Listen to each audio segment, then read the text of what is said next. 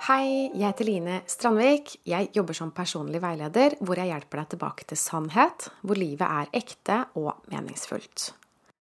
I dag skal jeg snakke om at for å forstå verden må du forstå narsissisme. I hvert fall etter at jeg fikk en aha-opplevelse om hva narsissisme faktisk er, så ser jeg verden med nye øyne.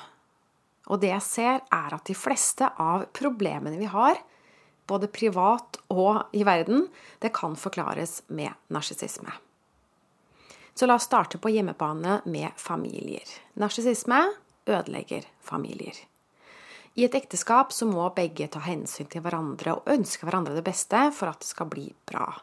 Men en narsissist tar alltid mer hensyn til seg selv.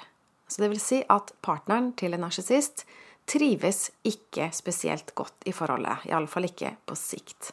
Det går gjerne litt opp og ned, men det ender ofte med skilsmisse. Å skille seg det er ikke et problem i seg selv, fordi noen ganger så kan det bli bedre etter skilsmissen enn det var før, for både barn og voksne. For det er noe med at når illusjonene brister, og forholdet eller familien blir på utsiden det det egentlig alltid har vært på innsiden, at det blir samsvar mellom det man føler, og det som sies, og det som handlingene blir gjort, så blir det trygghet for barn og voksne, for da blir det samsvar. Da gir det mening, og det er en kongruens i familien. Men det å skille seg fra en narsissist, det går ikke alltid spesielt bra. Det er vel noe av det vanskeligste.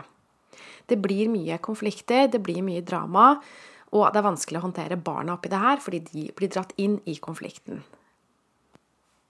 Og hvis man ikke lykkes med å håndtere barna riktig gjennom denne prosessen, så får de gjerne store psykiske problemer senere i livet. Og akkurat denne problemstillingen har jeg jobba mye med, og jeg har laga et webinar som heter 'Hvordan håndtere barna når forholdet til eksen er betent'. Det kan du delta på ved å gå inn på min webside linestrandvik.no og klikke i menyen på skilsmisse. Det er et gratis webinar som alle kan være med på.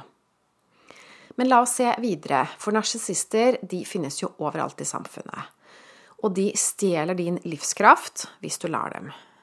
F.eks. på arbeidsplasser så finnes det mange narsissister, og det har jeg personlig også opplevd. Jeg har lest mange historier og kjenner meg igjen. Eh, og på et tidspunkt så ønska jeg å gjøre noe med det.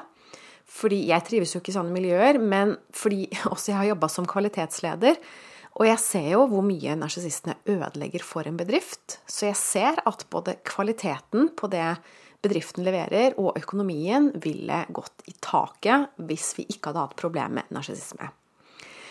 Så jeg sa faktisk opp jobben i 2002 for å bli selvstendig, og drømmen jeg hadde da, var å hjelpe bedrifter til å takle narsissister. I dag skjønner jeg at man ikke kan helbrede verken narsissister eller psykopater, så denne strategien har jeg gått vekk ifra. Det er i hvert fall ikke noe jeg kan gjøre for å helbrede andre, og alle som prøver på det, de ender med å bli dratt inn i problemet, og det ender ikke bra. Så jeg skal ikke si helt konsekvens at ingen narsissister kan bli friske, men det blir veldig feil hvis man på utsiden skal gå inn og tvinge dem til å bli, eh, bli snille. Det funker ikke. Jeg har fortsatt troa på at vi kan kvitte oss med narsissisme, men jeg har endra strategi.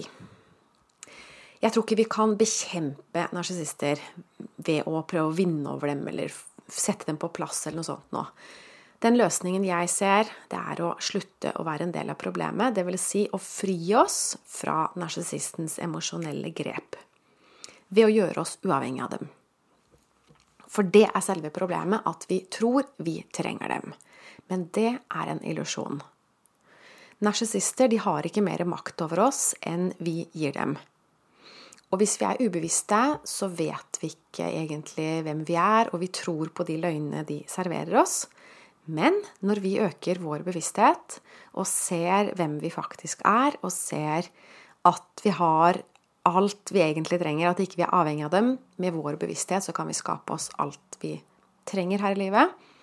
Når vi ser det klart og tydelig, så mister narsissistene grepet over oss. Så da kan vi bare gå ut av offerrollen uten problemer. Hvis vi ikke gjør en innsats for å bli fri, så vil vi bli vevd mer og mer inn i det her nettverket av psykisk kontroll. Vi kan bli frie ved å lære mer om hvordan narsissistene fikk grepet om psyken vår, og reversere den prosessen. Og det har jeg hjulpet flere mennesker til, fordi jeg har hjulpet mange til å skille seg fra en narsissist. Og de samme teknikkene som brukes i forbindelse med skilsmisse, de kan brukes til å fri seg fra enhver narsissist eller narsissistisk organisasjon eller system. Hvis det er noen man føler har eh, kontroll over en selv, hvis man føler seg ufri i et eller annet, så kan man øke sin bevissthet og bli fri. Det jeg også har oppdaga, er at narsissister styrer verden.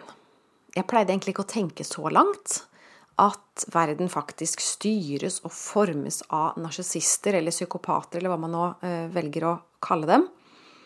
Før i tiden så hadde jeg tillit til samfunnet og de systemene vi har bygd opp. Ja, noenlunde tillit, iallfall. Men siden den gang har jeg lært mye.